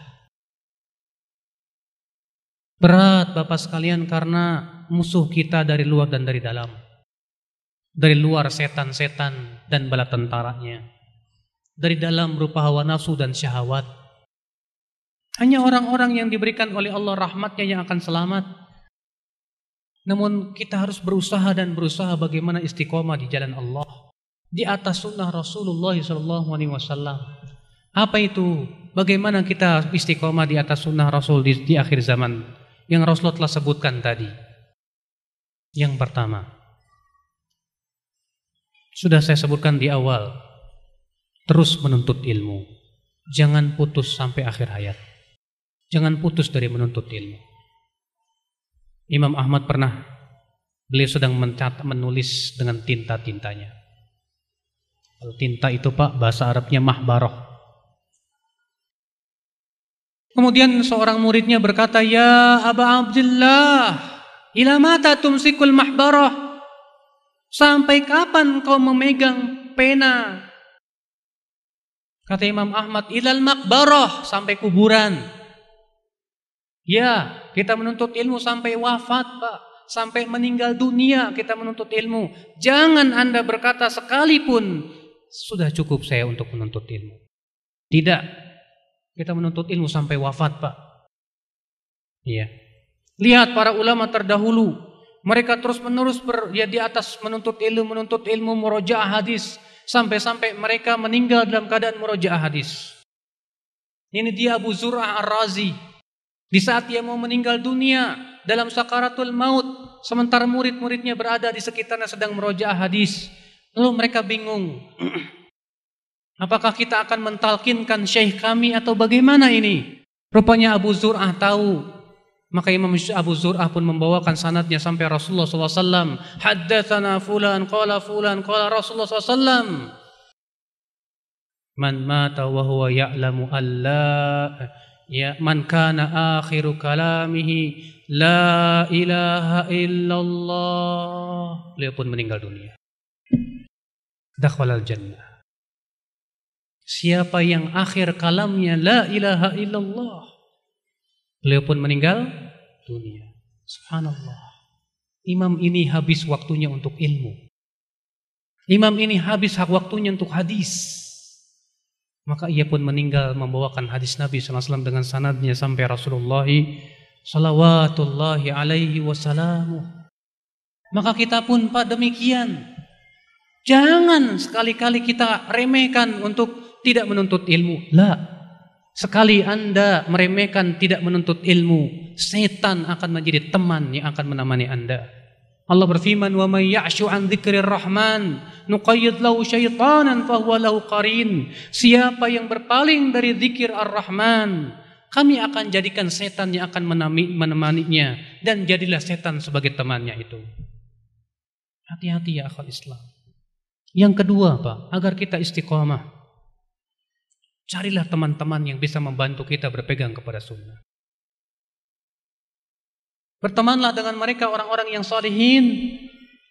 Yang membantu kita untuk istiqomah Pak. Jangan berteman dengan orang-orang yang bisa merusak agama kita. Karena Rasul kita yang mulia alaihi wasallam bersabda dalam riwayat Abu Dawud, "Al-mar'u ala dini khalilih." seseorang itu di atas agama teman dekatnya. Falyanzur ahadukum ila man yukhalil. Maka hendaklah seseorang dari kalian melihat dengan siapa dia berteman. Naam. Abu Talib meninggal dunia di atas kekafiran karena teman yang buruk. Imam Bukhari dan Muslim meriwayatkan bahwasanya Rasulullah SAW mendatangi Abu Talib yang sedang sakaratul maut Lalu Rasulullah bersabda, "Ya am, qul la ilaha illallah kalimatan uhaju biha laka indallah." Hai paman, ucapkan la ilaha illallah. Dengan kalimat itu aku akan bela kamu di sisi Allah. Sementara di sisinya ada Abu Lahab yang mengatakan Abu Jahal yang mengatakan atarghabu an millati Abdul Muttalib. Hai Abu Talib, apakah kamu benci kepada agama anak ayahmu Abdul Muttalib? Sementara Rasulullah mengulangi lagi, Abu Jahal mengulangi lagi. Akhirnya Abu Talib berkata, aku mati di atas agama ayahku. Wafat di atas kekafiran. Karena teman yang buruk. Naam akhwal Islam. Bahkan penduduk api neraka akan menyesal. Kenapa mereka mempunyai teman-teman yang membuat mereka masuk neraka? Allah berfirman dalam surat Al-Furqan itu. Qala ya wailata laitani lam attakhidh fulanan khalila anidh dzikri ba'da idh ja'ani wa kana syaitanu lil insani khadula kata Allah berkata penduduk api neraka itu aduh andaikan aku tidak menjadikan si fulan sebagai teman dekat saya gara-gara dia ia sudah menyesatkan saya dari peringatan ketika peringatan telah datang kepada saya Demikianlah kata Allah, syaitan berusaha untuk menghinakan manusia dengan teman-temannya itu. Hati-hati Pak. Jangan Anda berkata, saya berteman dengan siapa saja. Karena itu bukan dari dari ajaran Rasulullah sama sekali.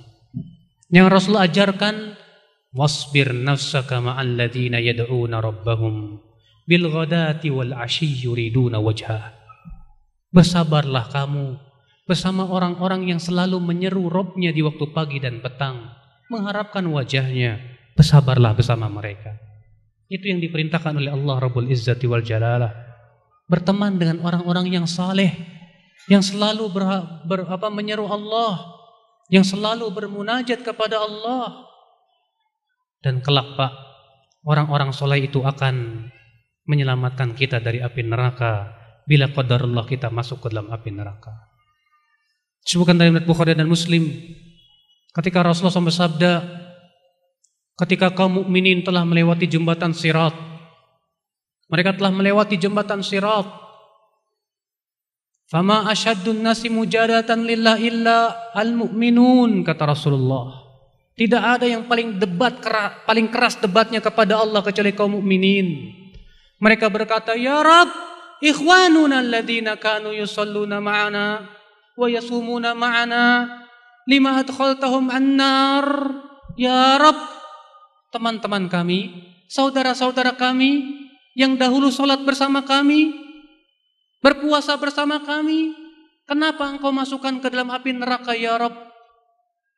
Terus mereka meminta kepada Allah sampai Allah berfirman, keluarkan orang-orang yang kalian kenal, yang mengucapkan la ilaha illallah, keluarkan mereka dari api neraka. Maka kaum mukminin pun segera berlarian dan mengambil teman-temannya dari api neraka. Masya Allah. Itulah ya akhwat Islam, teman yang saleh. Di dunia kita berteman dengan mereka, Alhamdulillah. Di akhirat, ternyata teman-teman yang saleh mengeluarkan temannya dari api neraka. Kemudian apalagi jalan istiqomah. Yaitu ya akhi, agar kita terus beristiqomah di atas sunnah Rasul di akhir zaman ini. Tinggalkan hal-hal yang bisa merusak keimanan kita. Yang bisa melemahkan hati kita untuk menaati Allah. Apa itu? Maksiat. Ketahuilah akhi, di zaman sekarang media untuk berbuat maksiat mudah. Akhi. Mudah. Anda punya smartphone, HP, Anda akan bisa melanglang buana di sana bisa melihat kebaikan dan bisa melihat keburukan.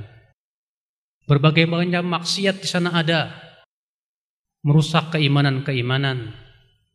Maka berhatilah dan bertakwalah kepada Allah dan berjagalah di tapal batas. Gunakan kesabaran di saat syahwat itu menggebu-gebu. Mungkin di hadapan orang Anda akan malu, tapi di ketika ketika kita sendiri, di situlah iman kita sering kali ya digoyang dan sering kali kandas. Makanya Allah memuji orang-orang yang takut kepada Allah di saat sendirian. Allah berfirman innal ladzina yakhshawna rabbahum bil ghaibi lahum maghfiratu wa ajrun kabir.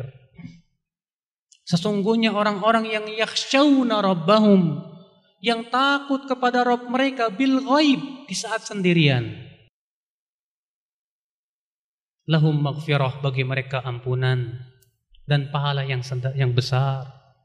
Banyak di antara kita yang takutnya di hadapan manusia. Di hadapan manusia terlihat takwa. Dia tinggalkan kemaksiatan, dia tundukkan pandangan, tapi di saat sendirian menjadi orang yang tidak takut kepada Allah Rabbul Izzati wal Jalalah. Ya, Pak. Makanya Imam Abu Daud meriwayatkan dalam sunannya Kelak pada hari kiamat kata Rasulullah akan didatangkan seorang laki-laki.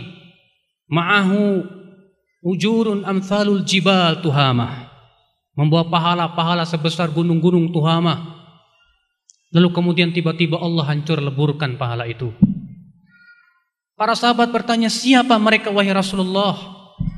Kata Rasulullah hum qaumun ya'khuduna minal lail kama ta'khudun mereka suatu kaum yang mengambil malam sebagaimana kalian mengambil malam. Walakinnahum idza khalau bimaharimillah intahakuha. Akan tetapi mereka itu apabila bersendirian dengan keharaman Allah, mereka berani melanggarnya. Merugi sekali. Jangan sampai kita menjadi orang-orang yang bertakwa kepada Allah di hadapan manusia.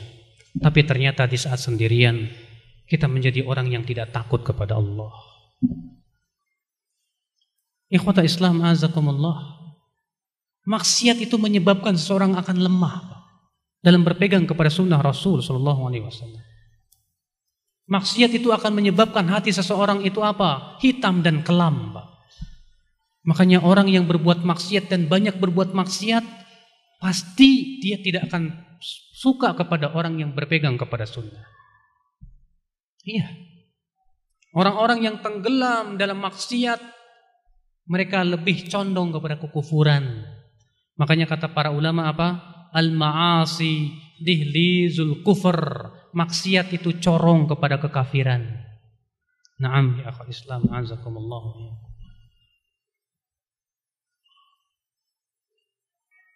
Maka ya akhi, tinggalkan perkara-perkara yang bisa merusak keimanan kita. Yang bisa melemahkan kita untuk beramal saleh. Apa itu? Maksiat. Semua jenis maksiat pelajari. Untuk kita jauhi. Bukan untuk kita lakukan ya akhwal Islam azakumullah ya. Kemudian yang ke yang selanjutnya.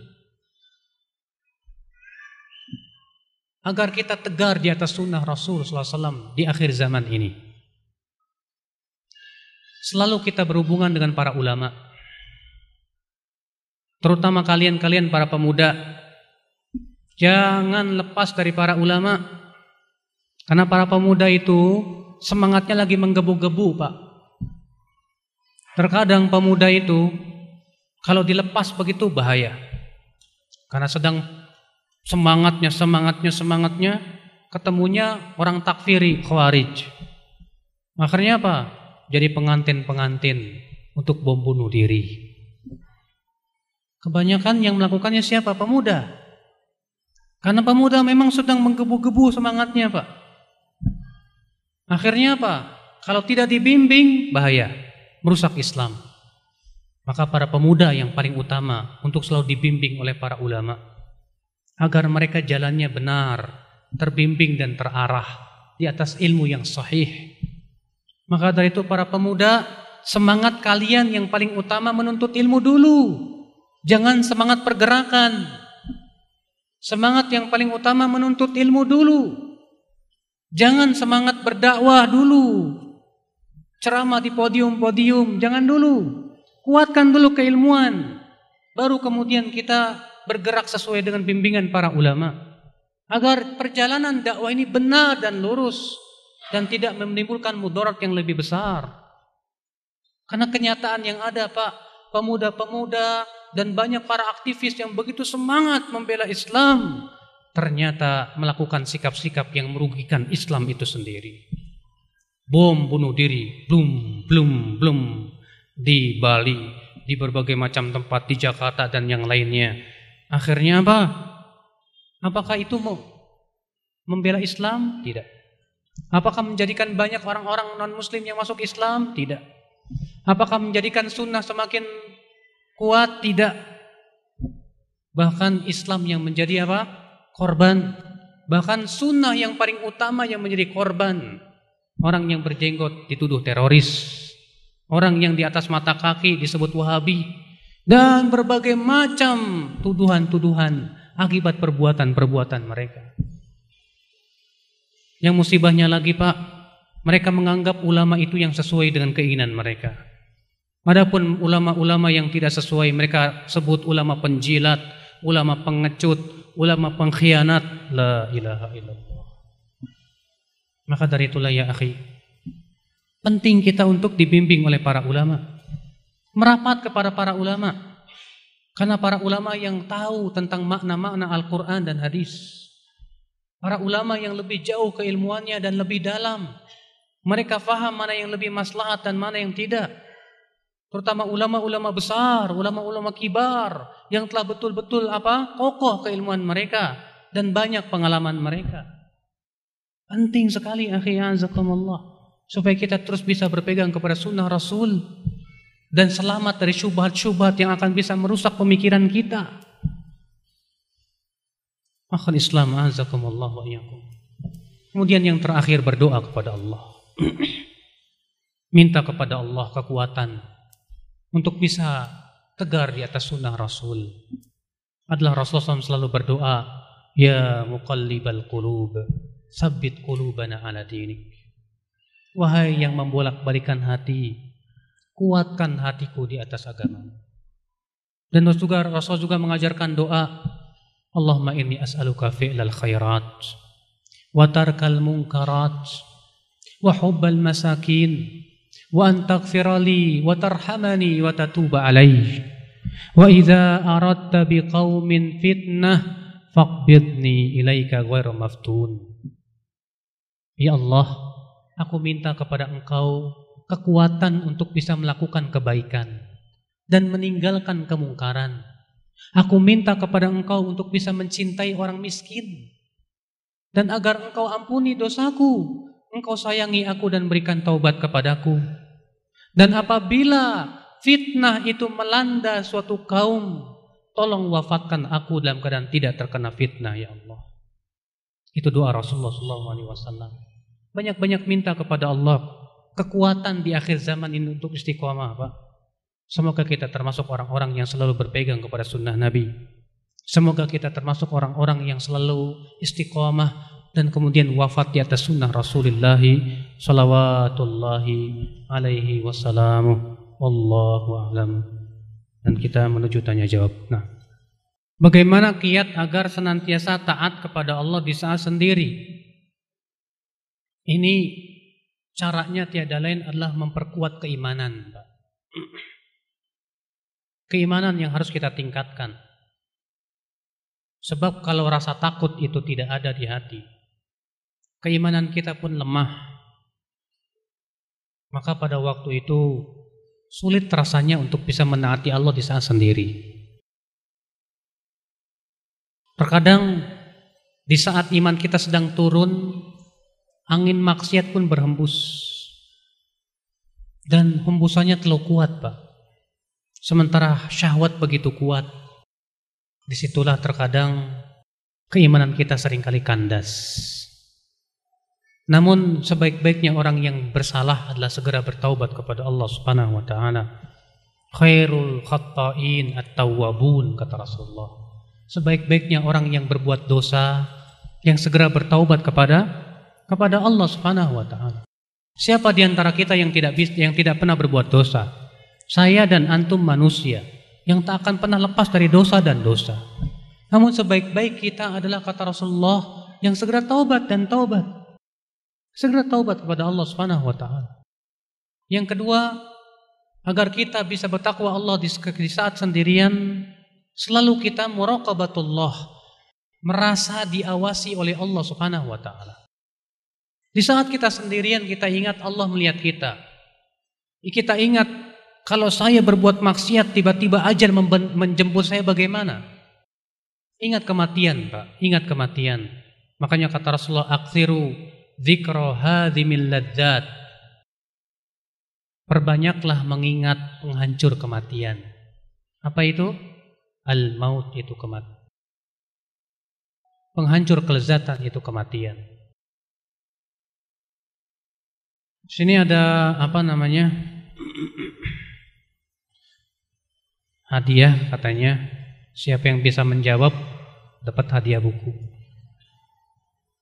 Baik, siap-siap untuk menjawab pertanyaan ya.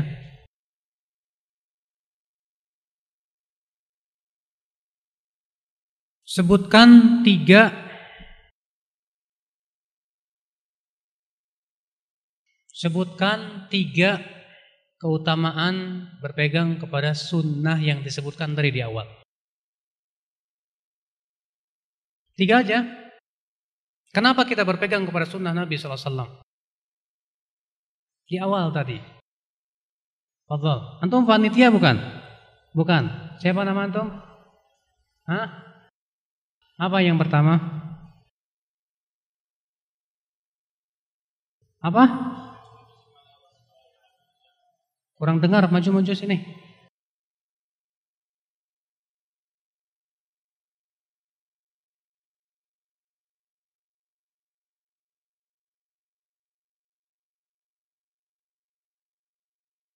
Ahsanta barakallahu fik. Jazakallahu khair. Selanjutnya dua buku nih, Masya Allah. Membongkar klinik Kedukunan, bekedok, karomah, dan jalangan golongan yang selamat. Pertanyaannya, siapa yang bisa menyebutkan satu saja hadis atau ayat yang memerintahkan kita berpegang kepada sunnah Rasul? Satu saja hadis atau ayat. Antum panitia bukan? Bukan. Silakan. Nggak boleh nyontek. Masa buka buku?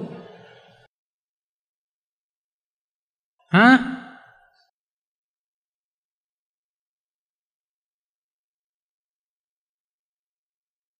Terus? Cuma gitu doang? Ada yang lain? Silakan.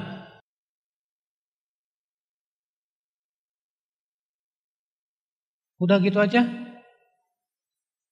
Ah.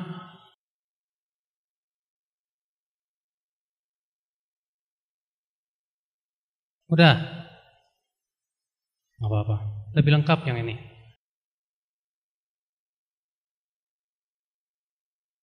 Yang terakhir, sifat salat Nabi sallallahu alaihi wasallam. Ada dua cara bagaimana berpegang kepada sunnah Rasul yang saya sebutkan tadi. ah. Betul. Asanta. Barakallahu fiik. Dah. Jazakallahu khair. Barakallahu fiik. Bolehkah kita mendoakan teman yang sudah meninggal dunia? Oh, boleh, nggak masalah. Ya. Caranya bagaimana? Berdoa di saat kita sedang sholat, berdoa di waktu-waktu ijabah. Kita doakan, Ya Allah, ampuni dosanya. Ya Allah, angkat derajatnya. Ya Allah, luaskan kuburnya, berikan padanya cahaya, itu yang kita minta kepada Allah Subhanahu wa taala untuk teman kita yang sudah meninggal dunia. Ketika ada orang yang mengkafirkan orang lain, apa benar atau tidak dan bagaimana sikap kita? Tergantung alasannya apa. Kenapa kamu mengkafirkan dia? Yang kedua, dia orang ahli apa bukan untuk mengkafirkan? Masalahnya Pak, kafir mengkafirkan tuh ada syarat-syaratnya, ada rukun-rukunnya, ada penghalang-penghalangnya. Syaratnya empat. Yang pertama, muslim balik dan berakal. Yang melakukan kekafiran ini ya. Yang kedua, dia melakukan kekafiran itu dengan sukarela bukan karena dipaksa. Yang ketiga, sudah tegak padanya hujah, dijelaskan sejelas-jelasnya tentang bahwa itu perbuatan kufur. Yang ketiga, yang keempat, dia melakukan perbuatan kekafiran itu bukan karena adanya syubhat. Kalau masih ada syubhat, harus dihilangkan dulu syubhatnya. Maka dari itulah kita harus lihat keadaan orang ini. Kalau ada orang mengatakan itu orang yang tidak bayat kepada imam saya kafir. Hati-hati nih Pak. Karena mengkafir Pak mengkafirkan besar di mata Allah. Kata Rasulullah man qala li akhihi ya kafir. Siapa yang mengatakan kepada saudaranya, "Hai kafir," faqad ba'a biha ahaduhuma, maka akan kembali kepada salah satunya. Fa in kana kama qal, kalau yang diucapkan kafir itu memang kafir, masuk. Wa illa raja'at ilaih. Kalau ternyata tidak, maka ucapan kafir itu akan kembali kepada yang mengucapkannya. Maksudnya kembali kepada yang mengucapkan bagaimana? Kata Imam Nawawi artinya dia nanti akan diseret kepada perbuatan yang sama. Hati-hati itu Pak. Masalah kafir mengkafirkan berat. Tidak setia maka dari dulu kalau kita melihat ada orang yang mengatakan siapa yang tidak ikut kelompok saya kafir, oh, ini bahaya. Ini pemahaman khawarij. Ini hizbiyin. Iya. Karena orang Khawarij begitu, yang tidak mau mengikuti kelompoknya kafir, halal darahnya. Iya, karena masalah hukum kafir mengkafirkan itu hukum yang berasal dari Allah dan Rasulnya. Hanya orang-orang yang telah diberikan kekuatan ilmu dan telah kokoh keilmuannya yang bisa untuk menghukumi, akhi. Makanya kita lihat orang yang mengkafirkan itu bagaimana? Punya hujah, punya burhan dari Allah atau tidak? Iya. Sampai batas mana orang tua itu menanggung dosa anaknya? Pertama, pada asalnya seseorang tidak akan menanggung dosa orang lain. Allah berfirman, "Allah taziru waziratu wizra ukhra." Seseorang tidak akan menanggung dosa orang lain. Tidak mungkin antum menanggung orang dosa orang lain. Kecuali apabila dosa itu antum yang mengajarkannya. Misal antum ngajarin anak, nak, begini cara mencuri yang bagus, nak. Akhirnya antum ajarin anak cara mencuri, mencoleng yang bagus. Akhirnya si anak mencuri, antum dapat dosa. Setelah besar anak itu jadi pencuri, antum terus dapat dosa. Kenapa? Karena antum yang ngajarin. Antum mengajarkan ilmu yang yang apa? Yang sesat kepada orang. Lalu orang itu mengamalkan kesesatan antum, antum dapat dosanya. Karena Rasul sabda, "Man sanna fil Islami sunnatan sayyi'ah."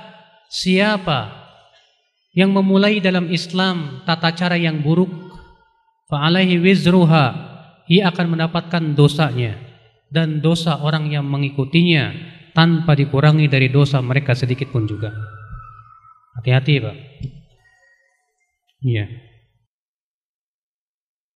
Sebagaimana kalau saya sudah mengajarkan kesesatan, lalu saya taubat, caranya gimana? Taubatnya bukan hanya sebatas taubat, antum harus menjelaskan kepada orang-orang yang antum telah sesatkan itu. Bahwa itu sesat. Iya. Antum jelaskan, maaf akhi, yang kemarin saya sampaikan ternyata salah, sesat. Ini buktinya, ini hujahnya. Kalau antum sudah jelaskan dia tetap mau sesat, ya itu serah dia. Antum tidak akan menanggung lagi. Ustadz, pagi ini saya dapat postingan seperti ini Ustadz. Siapa sebetulnya pengikut salaf? Aswaja imamnya Imam Hanafi, Maliki, Syafi'i, Hambali. Sedangkan Wahabi itu imamnya Ibn Taimiyah, Muhammad bin Abdul Wahab, Abdullah bin Baz, Syekh Albani. Sedangkan Imam Hanafi 80 tahun Hijriah. 90, Imam Malik 93 Hijriah. Imam Syafi'i 150. Jadi sebetulnya yang lebih dekat kepada Rasulullah siapa? Wahabi apa Aswaja? Kita katakan Imam Malik, Imam Syafi'i, imam kita semua. Orang-orang yang mengikuti sunnah Nabi SAW pasti akan mengakui bahwa mereka sebagai para ulama. Dan aneh kan kalau misalnya, oh enggak nih ulama milik kami aja, enak aja milik kalian. Ajib. Para ulama itu tidak pernah mengklaim saya milik kalian, saya enggak, ilmu saya untuk setiap orang. Iya. Makanya aneh kalau ada orang mengatakan ulama kami ya ini, ulama kalian ya itu. Enggak, ulamamu ulama kami. Iya. Imam Abu Hanifah ulama kami, Imam Syafi'i ulama kami, Imam Ahmad ulama kami. Para sahabat ulama semuanya, para tabiin, tabiut tabiin dan yang lainnya, mereka ulama. Tapi perbedaan kita dan kalian adalah kalian mensucikan para ulama. Sedangkan kami mengatakan ulama manusia yang bisa jadi diambil dan bisa ditolak. Semuanya dilihat kalau Al-Quran dan hadis sesuai kita ambil. Sementara kalian seakan-akan yang diucapkan ulama pasti benar. Kalian menganggap ulama seakan-akan tidak mungkin salah. Ini perbedaan antara kami dengan kalian. Kami tetap menghormati Imam Syafi'i, Imam Ahmad dan kami ambil ilmu mereka. Tapi kita lihat mana yang paling kuat dalilnya itu yang kami, kami ambil. Siapa yang tidak sesuai dengan Al-Quran dan hadis itu yang kami tidak ambil. Karena kami menganggap bahwa yang maksum hanyalah Rasulullah Sallallahu Alaihi Wasallam. Dan kami meyakini betul menghormati para ulama itu wajib. Tapi tata cara menghormati bukan dengan cara takdis pensucian melampaui batas, gulu berlebih-lebihan. Seakan-akan ulama bagikan nabi yang tak pernah salah. Bukan begitu caranya ya akhwal Islam azakumullah wa iyyakum. Iya. Dan ya akhi, julukan Wahabi itu sebetulnya siapa sih? Antum perlu ketahui, kata-kata Wahabi itu sudah muncul sebelum firqah Wahabiyah itu sudah muncul sebelum Syekh Muhammad bin Abdul Wahab lahir. Karena Syekh Muhammad bin Abdul Wahab lahir pada 1115 Hijriah. Sementara fatwa tentang firqah Wahabiyah itu sudah ada di zaman di abad kelima Hijriah, yaitu Ibnu Lakhami. Di mana beliau ditanya tentang masjid yang dibangun oleh firqah Wahabiyah. Lalu Imam Ibnu Lakhami mengatakan itu masjid yang harus dihancurkan. Karena itu masjid dirar. Lalu Wahabiyah yang dimaksud oleh Ibnu Lakhami siapa? Pengikut Abdul Wahab bin Rustum. Dia yang mendirikan firqah Wahabiyah itu di awal-awal abad kedua Hijriah atau ketiga Hijriah di Maroko. Dan memang pemikirannya hancur. Dia mengkafirkan, menghalalkan darah kaum muslimin. Dia mengatakan sholat Jumat tidak wajib. Mengatakan jilbab tidak wajib dan membatalkan banyak syariat Islam. Makanya para ulama mengkafirkan dia. Iya. Sedangkan Syekh Muhammad bin Abdul Wahab lahir pada tahun 1115 Hijriah. Madhab beliau apa? Hambali. Mengikuti fikihnya dalam fikih Ahmad bin Hambal. Jadi beliau tidak tidak mengatakan saya tidak ikut Imam Ahmad, tidak ikut. Justru imam yang empat itu diikuti oleh Syekh Muhammad bin Abdul Wahab. Bahkan beliau menisbatkan diri kepada madhab Imam Ahmad bin Hambal. Madhab Imam Ahmad bin Hambal. Ikhwatlah Islam azakumullah. Nah inilah Pak, di zaman sekarang ini serampangan orang menuduh. Wahabi, awas Wahabi, awas Wahabi, awas Wahabi. Kemudian dibikin sebuah buku yang isinya 100% dusta semuanya. Apa itu sejarah berdarah Salafi Wahabi yang ditulis oleh Idah Ram.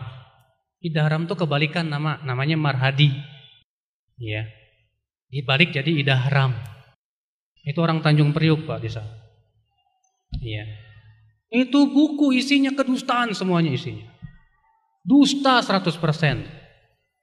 Dan alhamdulillah sudah dibantah oleh banyak ustadz. Di Ustadz Firanda, Ustadz Sufyan bin Khalid Rurai, demikian pula Ustadz Waskito. Ya, itu sudah dibahas, dibantah buku tersebut.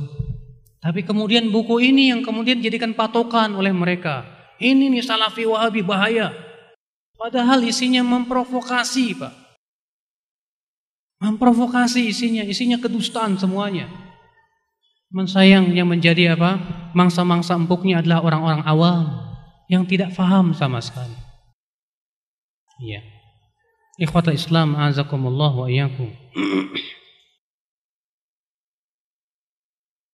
Baiklah Bapak sekalian karena jadwal kereta api saya jam 11 mau pulang lagi ke Jakarta jadi nggak bisa sampai selesai sampai duhur apalagi nggak bisa Pak. Mohon maaf bila selama ini ada sikap-sikap kami yang tak berkenan atau ada penyampaian kami yang tak berkenan di hati yang benar semuanya dari Allah yang salah karena kelemahan ilmu saya. Subhanakallah bihamdik. Asyhadu an la ilaha illa an astaghfiruka wa atubu ilaik. Wassalamualaikum warahmatullahi wabarakatuh.